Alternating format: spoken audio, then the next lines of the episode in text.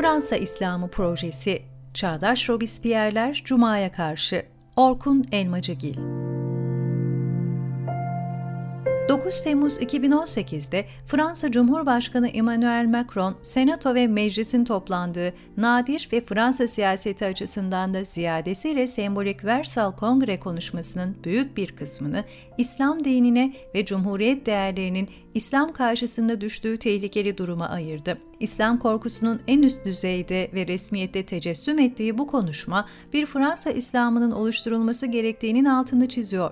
İslam'ı ivedilikle cumhuriyetçi bir çerçeve çizileceğini, laik ve tedirgin Fransız halkına müjdeliyordu. Ülkemizin yakın tarihinden de oldukça aşina olduğumuz Fransız tipi laiklik anlayışının din karşısındaki tutumuna bakarsak çok şaşırtıcı bir durumla karşı karşıya olduğumuzu söyleyemeyiz. Öte yandan Avrupa'da gittikçe kurumsallaşan ve merkez siyasetin ana enstrümanlarından biri haline gelen İslamofobik söylemi de göz önünde bulundurduğumuzda Macron'un mevzu bahis vaadini anlamlandırmak daha da kolaylaşıyor.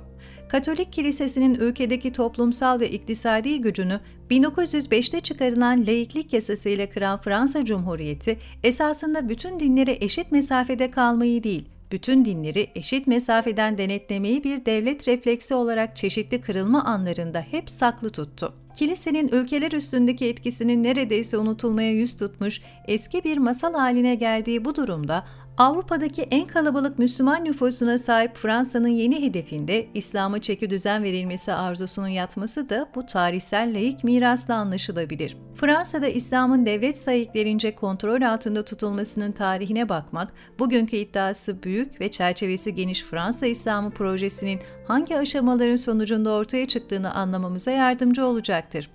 Birinci Dünya Savaşı'nda Fransız ordusunda savaşırken ölen Müslüman askerler anısına yapılan Paris Büyük Cami Yönetim Kurulu uzun yıllar boyunca Fransa'daki Müslümanların dini vecibelerini yerine getirmelerini, kamusal alandaki temsiliyetlerini sağlayan ve de devletle muhatap olabilen yegane temsilciydi. Artan göç dalgaları ve hali hazırdaki göçmenlerin ikinci ve üçüncü nesillerinin ortaya çıkışıyla İslam Fransa'nın kamuoyunda daha görünür hale gelmeye başladı. Yani yalnızca banliyölerinde oturup fabrikasından evine dönen Müslüman göçmen imgesinin yerini daha görünür olan, Fransa okullarında okuyan, daha fazla söz alıp edilgen bir konumdan failliğe geçen bir nüfus alıyordu görece yalıtılmış bir toplumun iş gücünden yararlanırken düşünülmeyen, bir sorun olarak ortaya çıkmayan İslam olgusu artık hem toplumsal hem de kültürel alanda kendi sözünü söylemeyi teklif edecek öznelere sahipti. Bu ortaya çıkış ilk olarak şüphesiz aşırı sağ partileri etkiledi. 1980'li yıllarda Cumhuriyet'in ardı arkası kesilmeyen bir İslamileşme tehdidiyle karşı karşıya olduğu gerçeği başta Jean-Marie Le Pen'inkiler olmak üzere tedirginlikle saldırganlık arasında savrulan söylemleri toplumsallaştırdı.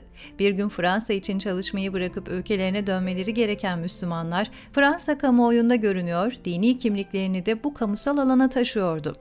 Özetle İslam artık arizi bir durum değildi. 1989 yılında Türk asıllı 3 ortaokul öğrencisinin başörtü taktıkları için dersten atılmalarıyla kendi başörtüsü sorununa da kavuşan Fransa'da Müslümanların geçici değil, kalıcı olduğu, toplumsal bir mana kesbettiği tekraren anlaşıldı. O dönemde Danıştay eğitim hakkının engellenemeyeceğini bildirip başörtülü öğrenciler idari anlamda bir zafer kazanmış olsalar da İslam medyada ve siyasi söylem düzleminde her daim genişlemeye yönelen olası bir tehdit olarak yer ediniyordu.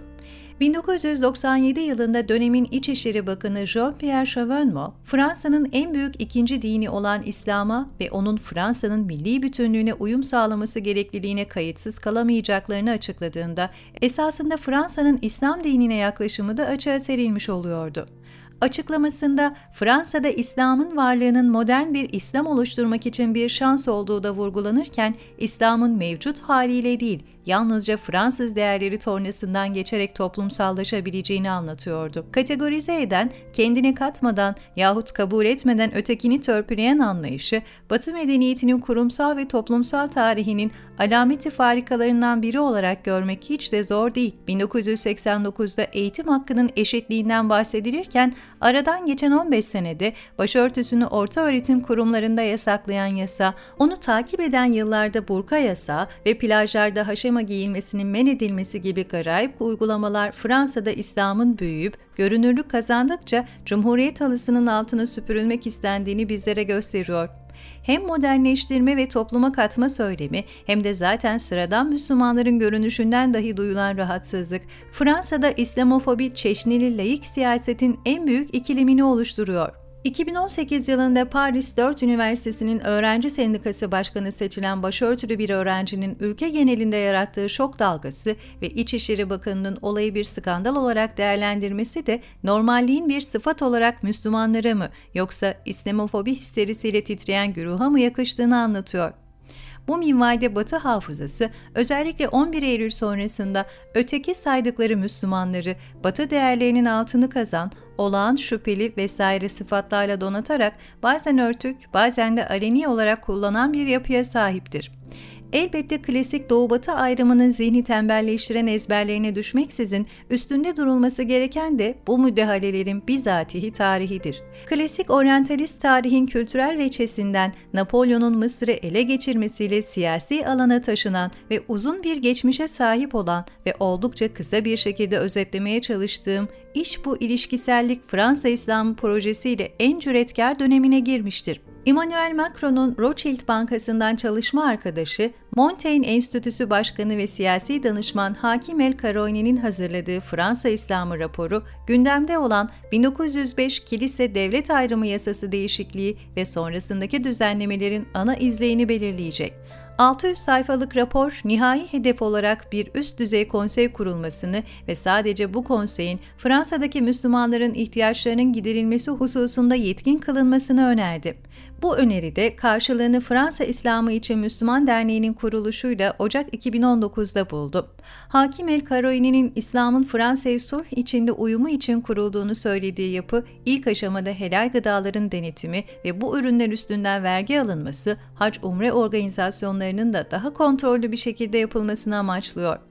Bu hizmetlerden kesilen vergilerin toplandığı havuzdan da Fransızca bilen ve Fransız değerlerine haiz imamlar yetiştirilmesi planlanıyor.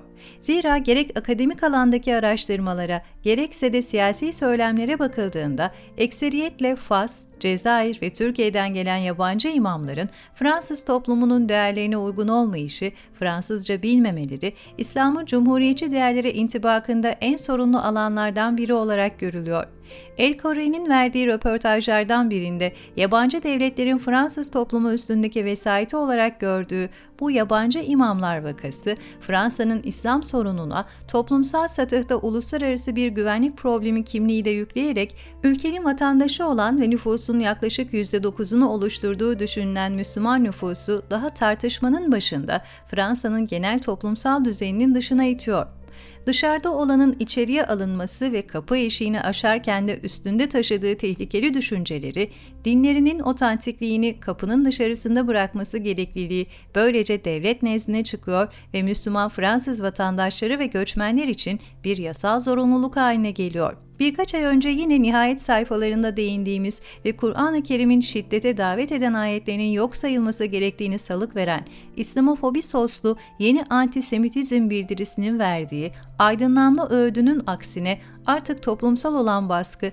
devletsel bir karaktere bürünüyor ve yasalaşıyor. Bir tür din mühendisliği olarak görülecek bu uzun soluklu projenin kamuoyu dışında bir alıcı bulduğunu, yani esas hedef kitlesi olan Müslümanların ilgisine mazhar olduğunu söylemekse bu ahval içinde pek tabii oldukça güç.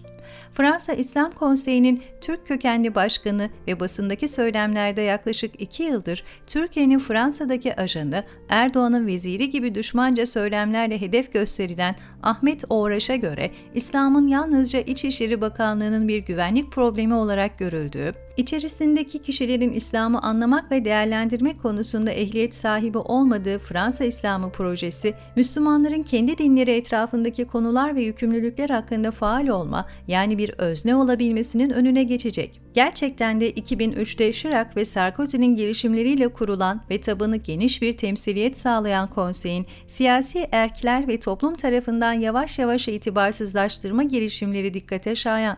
Türkiye ile Avrupa Birliği'nin arasındaki siyasi gerilimlerinde bir Türk asıllı başkanın seçilmesiyle üstüne yıkıldığı konsey, projenin siyasi hedeflerinden biri olarak etkisizleştirilmek isteniyor. Yalnızca aşırı sağ medyada değil, ana akım dergi ve gazetelerde son olarak El Karoi'nin raporunda Diyanet İşleri Türkiye İslam Birliği, Türkiye Büyükelçiliği, Fransa İslam Konseyi gibi yasal yapılar Türkiye ile ilintilendiriliyor. Müslüman nüfusun gündelik ibadetlerinden siyasi görüşlerini ifade edebilme özgürlüğüne kadar pek çok yasal ve toplumsal hak böylece tartışmaya açık bir güvenlik sorunu kademesine indiriliyor. Raporda savaşılması gereken İslamcılık ideolojisinin olası belirtileri arasında başörtü takmanın, camiye gitmenin, Müslüman kardeşleri savunmanın sayılması Fransa'da devlet aklının nasıl bir İslam'a varalım sorusundan ziyade nasıl bir İslam'ı kendimizden uzak tutalım sorusuyla meşgul olduğunun dramatik birer göstergesi. Projenin Müslümanların dikkatini yahut güvenini çekememesinin nedenlerini ardındaki düşünsel altyapıdan ve asimile edici ruhtan çıkarsamak bu örnekleri gördükçe daha mümkün. İslam'ı halledilmesi gereken bir olan şüpheli olarak görmesi, Fransa'da İslam'dan değil, bir Fransa İslam'ından bahsedilmesi, bu buyurgan tavrın dini mensubiyetin özüne ve ana sahikine tamamen ters oluşu da bir başka problem. Yani tamamen bir inanışa teslim olup onu yaşamaya çalışan inanandan bu inancını gevşetmesini, onu elinden bırakıp biraz düzenlemesi için devletin kucağına vermesini istemek, projeyi başarısız kılması muhtemel ana sebeplerden biri. Adeta özerk ve batıcı bir diyanet işleri kurmayı amaçlayan Fransa İslam'ının şu ana dek herhangi bir büyük İslami vakfın ya da kurulun görüşünü almadan yalnızca bir enstitünün raporuna göre sürdürdüğü bu tepeden inmeci tavır 250 yıl kadar önce yine Fransa'da düşünülen benzer hataları hatırlatıyor. Robespierre ve Jacobenlerin Fransız devriminden sonra halkın kitleler halinde kiliseye gitmesini engellemek ve pazar ayinini unutturmak için haftayı 10 güne çıkarıp her güne farklı bir isim vermesinin beyhudeliğini ve gülünçlüğünü tarih bize gösterdi. Fransa'da hala pazar var. Bir cumanın da hep olacağı gibi.